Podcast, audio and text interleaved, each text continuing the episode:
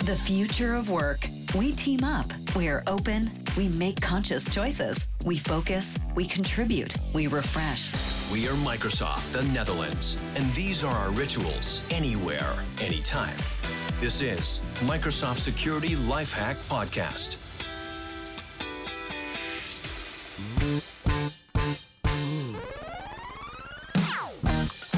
Hi, Jeroen hier en eh, leuk dat je weer luistert naar een nieuwe aflevering van Microsoft Security Lifehack Podcast. Hier eh, live vanuit onze podcaststudio. Ehm ja, het wordt vandaag weer een hele leuke uitzending. Eh, ik zit hier aan tafel met mijn vrienden van Wortel Nederland en België. Ehm, dat wordt straks allemaal uitgelegd. Ik was ook verbaasd. Ik denk, Danny heeft zin in bier, dus die is naar België gegaan. Maar dat gaat hij ons straks allemaal uitleggen. Ehm, ja, Security Lifehack Podcast. eh, weer een nieuwe aflevering. Nieuw seizoen. Hè. We zijn nu eh, aanbeland in eh, augustus, september. Dus een nieuw jaar is gestart. En dit is een van onze eerste uitzendingen. Dus leuk dat je erbij aanwezig bent. En nou, laten we snel even naar onze gasten gaan die vandaag aangeschoven zijn. Ik begin aan de heer hier aan mijn rechterhand als eerste. Danny Beurlagen, welkom. Dankjewel Jeroen, dank je. Ehm, ja, eh, leuk dat je er bent. Voor de mensen die je niet kennen, ik kan me bijna niet voorstellen, maar misschien kan je heel even voorstellen.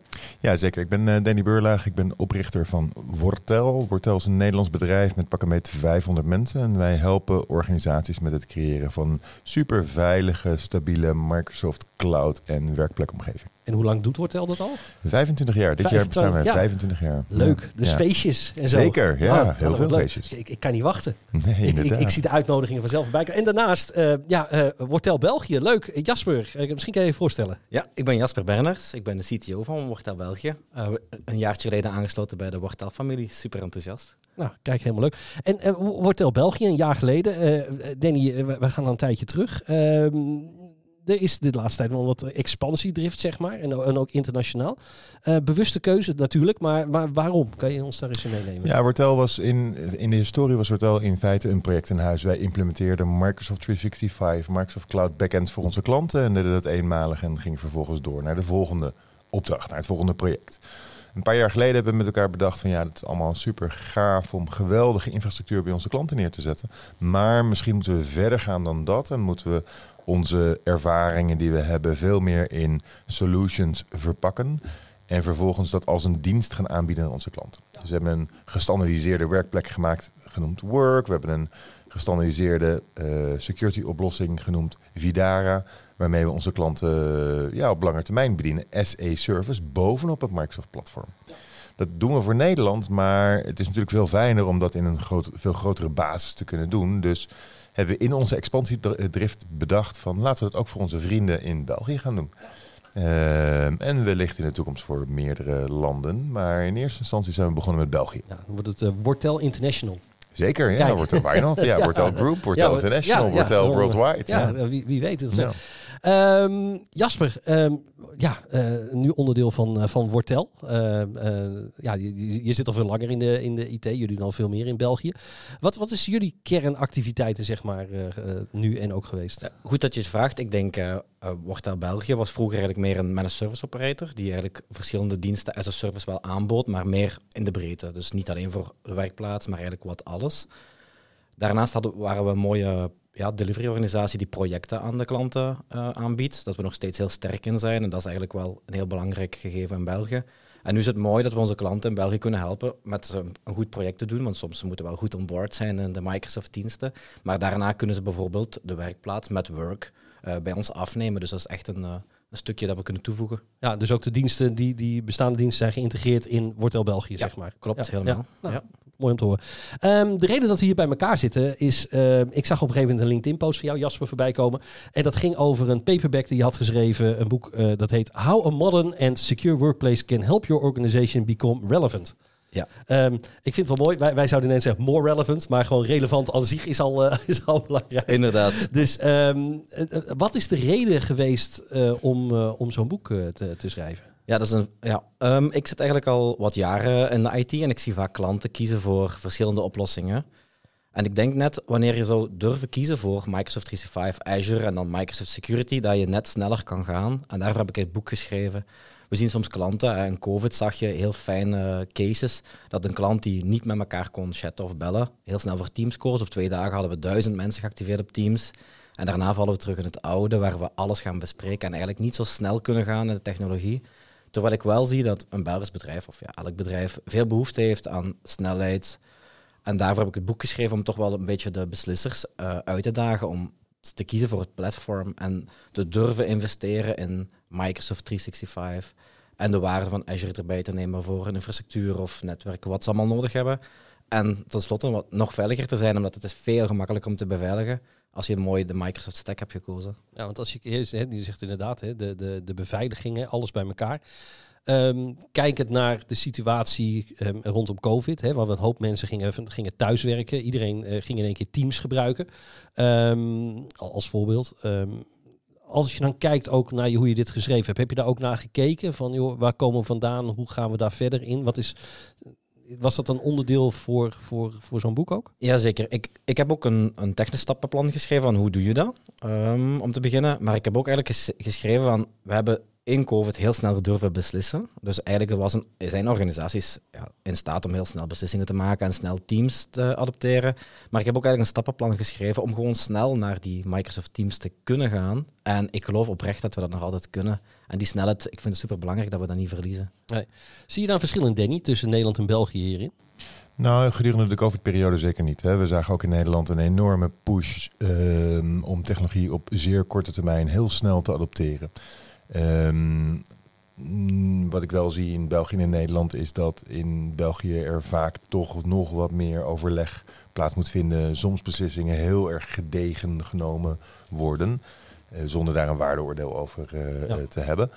Uh, in the end of the day denk ik dat we in Nederland net iets sneller zijn vaak met deployments dan in België. Dat in België er vaak wat meer en wat, wat, wat, wat gedegener voorbereiding getroffen wordt, maar dat daarna ook wel weer stabieler een deployment uh, plaatsvindt.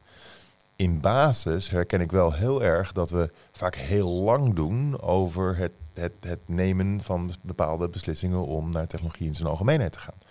En ik vind dat heel zonde. Hè? Kijken naar de waarde van zo'n platform, dan halen we daardoor onder andere heel vaak niet eruit wat erin zit. Want ik, hè, wat je ook aangeeft in het boek, hè, dat, dat bedrijven eigenlijk gedwongen zijn om te veranderen. Dan moet die technologie dan daarin meegaan. En je zegt het, het, het, het langdurige traject of het langer durende traject om dat te doen, is eigenlijk een, ja, jammer dat het zo lang duurt, omdat je dan een stukje verspillingen daarin hebt qua productiviteit. Nou zeker. Kijk, uh, als je kijkt naar een platform als Microsoft 365, dan bestaat het uit heel veel individuele componenten. Microsoft Teams is een core onderwerp daarvan, of ja. core onderdeel daarvan. Exchange Online is een core onderdeel daarvan voor je e-mail, SharePoint Online, et cetera. Je hebt allerlei verschillende core onderdelen ervan. Daarnaast zijn er heel veel andere aanvullende tools en middelen die erbij geboden worden. Heel veel klanten hebben besloten om een licentie af te nemen op dat totale platform gedurende de COVID-periode. Wat blijkt nou een jaar na of twee jaar na COVID? Dat nog steeds heel veel organisaties te kamp hebben met twee zaken. Ze hebben te maken met hun implementatie van een jaar geleden. Hè? Dus met andere woorden, ze hebben destijds heel snel Teams in gebruik genomen, heel snel Microsoft 365 in, gebruik genomen, zonder daar verder op door te uh, borduren. Dat is één. Het tweede is, ze zijn destijds begonnen met alleen hun core productivity tooling. -huh. Met als resultaat dat ze een hele hoop andere dingen niet gedaan hebben. Dus in uh, Microsoft 365 zitten, we laten, zitten, laten we zeggen, 20 verschillende componenten. Ze hebben er 1, 2, 3 in gebruik genomen en 17 liggen op de plank op dit moment te verstoffen. Ja. Superzonde. Ja. En, en je geeft aan, uh, Jasper, ook in het boek van hè, als je dus niet verandert, hè, um, uh, dan, dan zou je het ook niet overleven, zeg maar. Dus hè, je, je wordt gedwongen om te veranderen. Overle Bedoel je daar, hè, wat Danny ook zegt, van je, je pakt een paar onderdelen, dat hebben ze wel, maar de rest niet. Dus het is ook van belang voor de toekomst van een bedrijf, bedoel je dan, om ja. aan te passen? Ja, zeker. Ik, ik geloof, en als je nu kijkt, misschien ook economisch en alles wat er in de wereld gebeurt en na een pandemie, misschien komt de volgende morgen. Ik denk dat we wel mogen voorbereid zijn dat we als organisatie in staat zijn om van elke plaats in de wereld te werken. Dat klinkt zo'n cliché.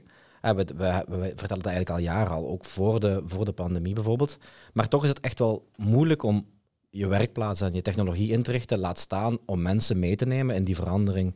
En ik denk dus echt als je bewuster durft kiezen voor een platform dat je heel, heel, mooi uitbouwt, waar iedereen goed mee kan werken, dat je ook met dat je mensen niet verliest, dat je een mooie organisatie kan bouwen en dat je de werkvormen kan kiezen die je wil wanneer het nodig is. Dus ik denk dat dat een mooie safe is als je alles goed hebt ingericht als er iets gebeurt of als je wil herorganiseren. Kijk, nu in de, de fusie, dat gaat allemaal mooi of handig en we kunnen heel snel met elkaar werken, omdat we hetzelfde platform hebben beslist en gekozen. Ja, dus de, de, integratie van één platform, in dit geval de Microsoft-platform, uh, zorgt ervoor dat uh, het allemaal elkaar goed aansluit. Wat je veel ziet, en ik ben ook benieuwd naar jullie, jullie visie daar, daarin. Ehm, eh, er zijn eh, ook rondom Microsoft Security.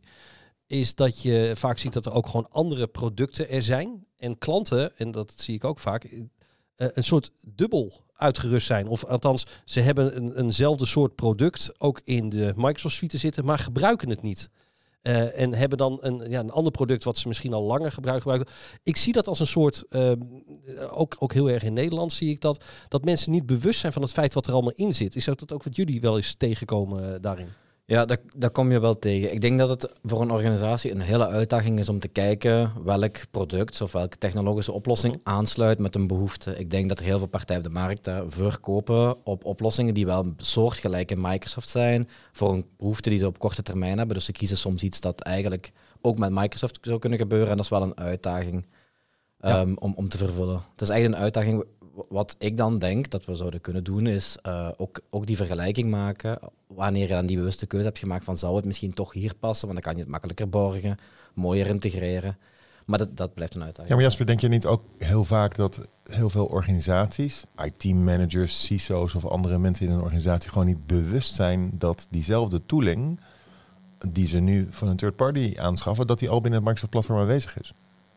Ja, dat, dat, dat, is iets, dat is iets. Ik denk dat het komt van het vroegere, waar, waar Microsoft 365 nog niet zo'n mooi assortiment had. En dat klanten bijvoorbeeld iets hebben gekozen wat heel leuk werkt, maar dat, waar nu ook Microsoft heeft aangeboden door Microsoft 365 te bouwen. Vroeger had je alleen Office 365 met Exchange en misschien als Teams nog niet bestond.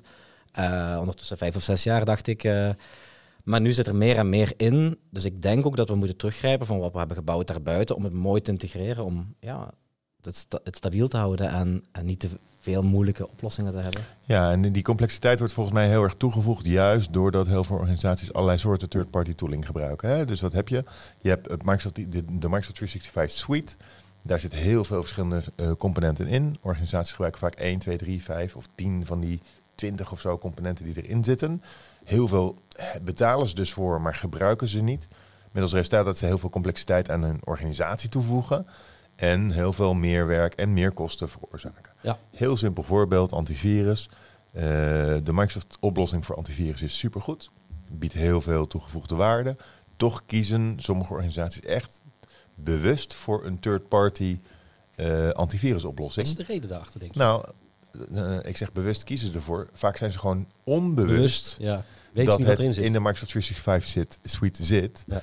Ehm, weten ze dus niet wat de kwaliteit ervan is. En zijn ze nog soms ehm, een beetje beïnvloed door het verleden, waarbij uh, Microsoft niet altijd op elke oplossing de beste, de, een, van de, een van de betere partijen was. Inmiddels mag Microsoft zich op heel veel gebieden uh, meewegen met de topspelers van de wereld. Ook op het gebied van antivirus uh, bijvoorbeeld. Dus door onze Defender producten. Precies. Ja, ja. Dus door te kiezen voor een third-party tool, wat doe je daarmee? Daarmee voeg je complexiteit aan je totale infrastructuur toe. Dat is één. Je voegt extra kosten toe. Hè. Je hebt tenslotte betaal je al voor Microsoft 365 en voor die extra tool. En alle beheer en implementatie en onderhoudswerkzaamheden die eromheen liggen. Het integreert minder mooi, waardoor je ook weer allerlei soorten potentiële gaten en potentiële aandachtsgebieden uh, uh, opent voor uh, externe factoren die je liever niet, uh, die je liever niet zou willen hebben. Nee. Dus ik denk echt oprecht dat heel veel organisaties zich vaak onbewust in de nesten werken, om het zo maar te zeggen, door zich uh, van allerlei soorten oplossingen te voorzien. Waarbij ze veel beter voor een best of, hè, voor, voor, voor, een totaaloplossing zouden kunnen kiezen die ze al in huis hebben. Ja. het is wel grappig dat je het zegt. Ik, ik, had van de week had ik ook zo'n voorbeeld. Um, ik was bij mijn ouders en uh, die hebben twee apparaten. En uh, mijn moeder komt naar me toe. Die zegt van, joh, uh, ik, ben niet, ik heb volgens mij geen virusscanner. Want ik zie bij je vader zie ik zo'n schildje zie ik onderin. Nou had, heeft hij dat standaard daar blijkbaar staan. En die andere moet hij dan openklappen. Dan staat het bij haar ook. Maar gewoon al die gedachtegang over van, zeker met antivirus, er moet altijd zo'n schildje staan of er moet iets staan waardoor ze het herkennen. En dat is, dat is ook met heel veel, hè, daar staat bijvoorbeeld een McAfee of een Norton of wat dan ook, uh, Symantec, dan staat er iets onderin en daar herkennen ze het aan. En als ze dat niet meer zien, dan raken ze toch wel een beetje in paniek van, joh, wat is er aan de hand en hè, krijg ik het wel te zien? Um, omdat het een andere manier is zoals uh, Microsoft omgaat met, met virusdetectie. Hè, het gebeurt ook veel meer op het platform zelf. Hè, het gebeurt op het device en op het platform zelf. Terwijl de andere leveranciers heel erg op het device zitten, maar weer minder op het platform zitten. En dat dat vraagt ook uitleg. En ik, ik, ik, dat heb ik ook met Microsoft hoor. Dus het is ook een vraag naar jullie. Wat zouden wij daarin bijvoorbeeld van Microsoft beter kunnen doen? Want wat je zegt, hè, is wij kunnen niet zeggen van... oh, we hebben het doorgegeven aan partner XIZ of aan jullie aan Wortel. Van joh, ehm, ga dat maar uitleggen. Ook wij vanuit Microsoft doen dus blijkbaar hier iets niet goed in, denk ik dan nog steeds, als dit niet is. Ik denk het blijft een, een moeilijke of een uitdagende verandering om mensen mee te krijgen in veranderingen in het platform. Hè. Er komt heel veel bij Microsoft 365 en security elke dag. Dus het is wel ook een, eh, ik zie het ook bij klanten, vaak dat ze niet bewust zijn dat, dit, dat ze die diensten kunnen, kunnen nemen. Um, wat, waar ik helemaal fan van ben, is dat we proberen voorvechters of uh, mensen die het heel goed kennen bij klanten te, te, te, zetten of een leuke workshop te geven of een inspiratiesessie, waarin we ze uitleggen wat eigenlijk Microsoft allemaal te bieden heeft en dat ze dan keuzes kunnen maken. Maar als je kijkt inderdaad naar zo misschien de consumenten of, of je ouders of vrienden, ja, zij zijn niet altijd bewust van wat er allemaal is veranderd. nee, maar ze zien het ook op hun werk terug. Hè. Kijk, dat, dat, um, ik, ik kom nog uit een, een, tijd vroeger, toen je koe met een kleine oes reef, zei ik altijd. Um, dat, dat, dat, um, uh, we hadden al Windows, uh, Windows 3.11. En toen kwam Windows NT. En mensen dachten, oh, dan doen we dat dus ook. Want dan snappen we wat ongeveer hetzelfde is. Terwijl iedereen op novelnetwerk en dat soort dingen ook nog zat. Uh, ja, Danny, ik ben zo oud. Ja. Ik ook, ik ja, ook. Daarom. Ik ook. En, en um, dus het gaat ook om een stuk herkenbaarheid. En wat mensen thuis zien, dat, en, en ze willen ze ook graag op het werk terugzien. Uh, zeker ook in het begin, kijk naar mobiele devices. Had, iedereen had, had zo'n Apple, zo'n iPhone. Dat moest ook zakelijk, moest dat. Nou, beheerstechnisch een drama in het begin. Nu is het natuurlijk vele malen makkelijker geworden. Maar eh, je wil een, wat, je, wat je thuis gebruikt ook zakelijk gebruiken en dat dus ook veilig houden. En dat is het punt waar ik dan naartoe ook wil gaan. Is van, hè, als ik ook kijk, je hebt een stuk in, in het boek ook geschreven rondom cyberveiligheid. Mensen die thuiswerken. Je beschrijft een aantal risico's erin. Wat is voor jou het grootste risico ook van, van, van het thuiswerken van mensen, eigen devices? Wat, wat is, hoe kijken jullie daarnaar? Ik denk het grootste risico is dat we vaak, maar is misschien vooral gemeend, organisaties um, hun echt fysiek hebben beschermd. Ik bedoel, echt fysiek in het gebouw met een firewall en alles wat ze nodig hadden om eigenlijk die infrastructuur, bijvoorbeeld servers en clients met wat, uh, wat netwerktechnische segmentatie te beveiligen. maar die wereld is eigenlijk uh, die is achter ons. Iedereen werkt van thuis. Iedereen heeft een mobile device, pakt een lap laptop mee naar huis. Dus dat, dat is veranderd. Um, en daar komt de complexiteit bij, bij je kijken. Dat bijvoorbeeld je partner ook uh, je mails kan zien of je documenten kan raadplegen. Ja. Je neemt gevoelige data mee naar huis. Uh, dus ik denk dat we super attent moeten zijn voor die verandering. Dat is sowieso een, ook een menselijke verandering. We moeten mensen bewust maken van je neemt wel eigenlijk je laptop mee waar je, je pincode 1234 is en iedereen kan op inloggen met je company data.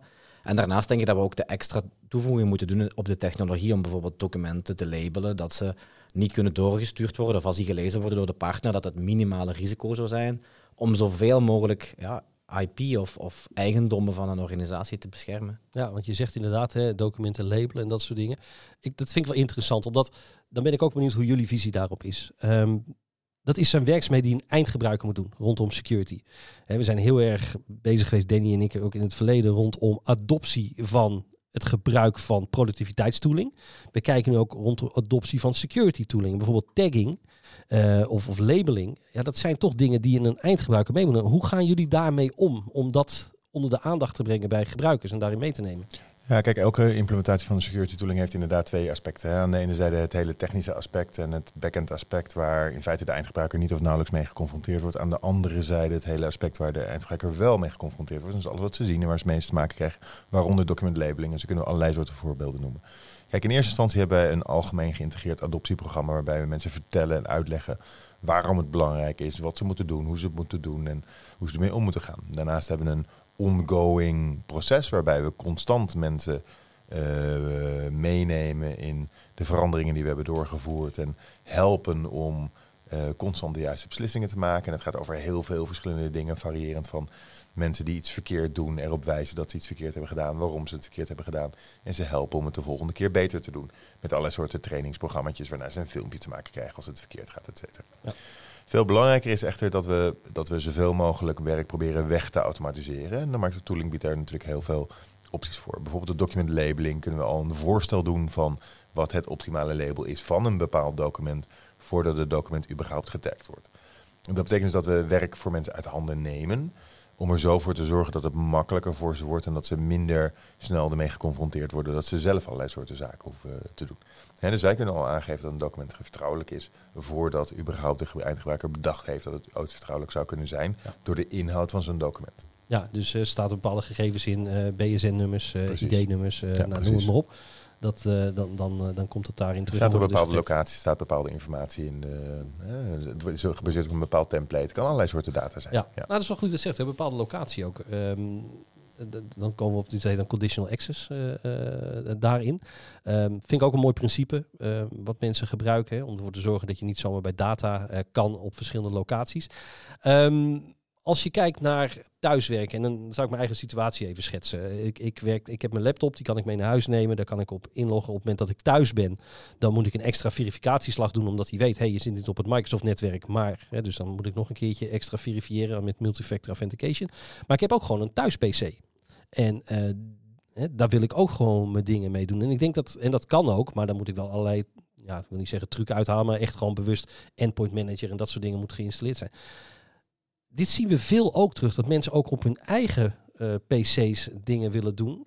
Ehm, en dan dus wat je net al zegt met data. Wat voor risico zie je daarin? Is dat ook iets wat in België veel gebeurt als risico? Of, eh, of, of, Jazeker, en, en dit is een leuk scenario. Ik doe dat ook vaak soms. Ja, ik doe dat ook soms. Ik heb een computer die, die van mijn privé is, die ik niet heb in het, in het, in het, ja, het Wortel-omgeving eh, toegevoegd. En ik kan eigenlijk in mijn browser nog altijd Office 365 Precies, openen, ja. maar ik kan bijvoorbeeld geen documenten downloaden. Ik kan wel online in Word bijvoorbeeld iets confidentieel zelfs aanpassen. Ja, ik zou er een foto van kunnen trekken, maar het is al veel moeilijker om gewoon heel, al die documenten binnen te trekken en te synchroniseren, want dat kan enkel op een compliant device. En onze security teams gaan natuurlijk zien als we bijvoorbeeld een download maken van duizend bestanden. En zo kan je eigenlijk beveiliging toevoegen eh, en, en wat compliance inregelen, dat, dat ja, een organisatie veiliger is. Eh, we gaan langzaam richting het einde. Ik ben nog benieuwd naar de laatste tips ook van jullie. Als je nou echt kijkt van thuiswerken, hybride werken op een veilige manier. Wat is nou de eerste drie stappen die je zou moeten nemen als ik, als ik daar naar kijk? Ja, de, er was pas nog een leuk eh, trendrapport van Microsoft ook gepubliceerd, dat toch altijd hetzelfde advies gaf. En een van de belangrijkste tips blijft hè, identiteitsbeveiliging. Als je je identiteit beschermt met multifactor, het is, klinkt zo cliché en het kan zo gemakkelijk zijn. Ik zeg het soms tegen klanten die het zo moeilijk hebben gemaakt. Maar je kan het eigenlijk zo hard toepassen dat je niet eens merkt dat je het hebt. Want ja, je hebt een device, dat is een tweede factor. Ja. En je hebt die identiteit en het is een vertrouwd device, dus je moet niet elke keer die prompt krijgen voor multifactor authentication. Dus dat is een van de belangrijkste adviezen die ik altijd meegeef, waar ik toch wel zie, als we klanten zien die gebreached zijn, het meeste last van hebben. Ja, ja klopt. Ja, het tweede punt is, eh, profiteer van de ervaring van organisaties die dit al heel vaak gedaan hebben. Ja, en dat is een beetje een open deur misschien, maar ehm, kijk, je kan zelf kan je supermooi allerlei soorten infrastructuur implementeren, maar er zijn heel veel organisaties die doen dit als werk. Hè? En, en die hebben vaak blauwdrukken liggen. Wij hebben ook blauwdrukken liggen. Maak gebruik van die blauwdrukken, omdat die al helemaal standaard aangeven welke settings je wel moet doen, welke die je niet moet doen en waar je rekening mee kan houden. Dus, dus maak gebruik van de ervaring die er al is. En misschien nog een laatste punt. Je zegt, Ja. eh, Ik denk nog altijd, eh, waar ik het boek ook mee begonnen ben, als je dan kiest voor Microsoft 365, is alles mooi ingericht, is het gemakkelijker om je tijd te steken in het platform te updaten. Dan kan je toestellen daarin toevoegen, updates doen, omdat je niet tijd steekt in al die andere tools en, en, en ha- hardware en toepassingen, noem maar op. En je kan totaal focussen op het platform, dan kan je dat mooi inrichten, mooi blijven beheren, om veiliger te zijn, om updates te doen. Dus daarmee nog een warme oproep hè, om Ja. Microsoft 365 eh, goed te implementeren. Ja, dus Jasper, wat je bedoelt is dat, dat, dat mensen echt al die verschillende tooling uit de Microsoft 365 platform kiezen. Zeker. In plaats van een paar van die tools. En daarnaast allerlei third-party Ja. tools. Ja. Ja, goed punt. En het is natuurlijk goed dat jullie daarbij kunnen helpen. Weet je, de ervaring die, die, eh, die al jaren hier in Nederland en zeker ook in België speelt, is altijd eh, goed om te zien. En ook eh, het samenwerken tussen Microsoft en Wortel, eh, ehm, eh, ik kan alleen vanuit Nederland spreken, is, eh, is altijd erg positief. En ehm, daarom is het heel goed, eh, ja, ik denk dat ze jullie kunnen bereiken op www.wortel.nl en .be. Klopt. Dat gok ik even zo. Zeker. Ja, Of helemaal op goed. LinkedIn, hè? Ik, wil, eh, Ja. Zowel Jasper als ik zelf zitten, zitten actief op LinkedIn. Benader ons als er wat Ja, is. ja. Dus dat is altijd wel even goed om inderdaad te weten, om, eh, om ook even, even dat te gaan doen. Ehm, ja, ik zou nog uren kunnen doorpraten, want ik ga binnenkort, eh, wil ik met jullie nog een keer om tafel gaan zitten. Misschien ergens volgende maand wil ik het ook van hebben over ehm, hoe jullie jullie managed services doen. Hè? Dus ook beveiliging met jullie managed SOC. Ja. Wat, wat jullie doen, wat echt super interessant is en voor een hoop bedrijven echt heel veel dingen kunnen ontzorgen. Dus ook eh, graag ook weer eh, tot dan. Leuk. Heren, super bedankt. Leuk dat je Dankjewel. was. Eh, Jasper, fijn dat je helemaal bent afgereisd naar het noorden hier, eh, naar, naar Amsterdam. Om, om hier naartoe te komen. Ik kom super graag terug. Ja, en eh, we, we doen de wederdienst. Ik kom ook eh, snel eens een keertje die kant op. Super. Dus eh, jullie bedankt voor het luisteren. Eh, mocht je dit nou leuk hebben gevonden, eh, doe dan even een hartje, doe dan even like. En eh, volg ons ook op, eh, op Spotify of de andere platformen. En dan zien we jullie heel graag weer een volgende keer. Tot dan. Bedankt voor het luisteren naar deze podcast van Microsoft Nederland.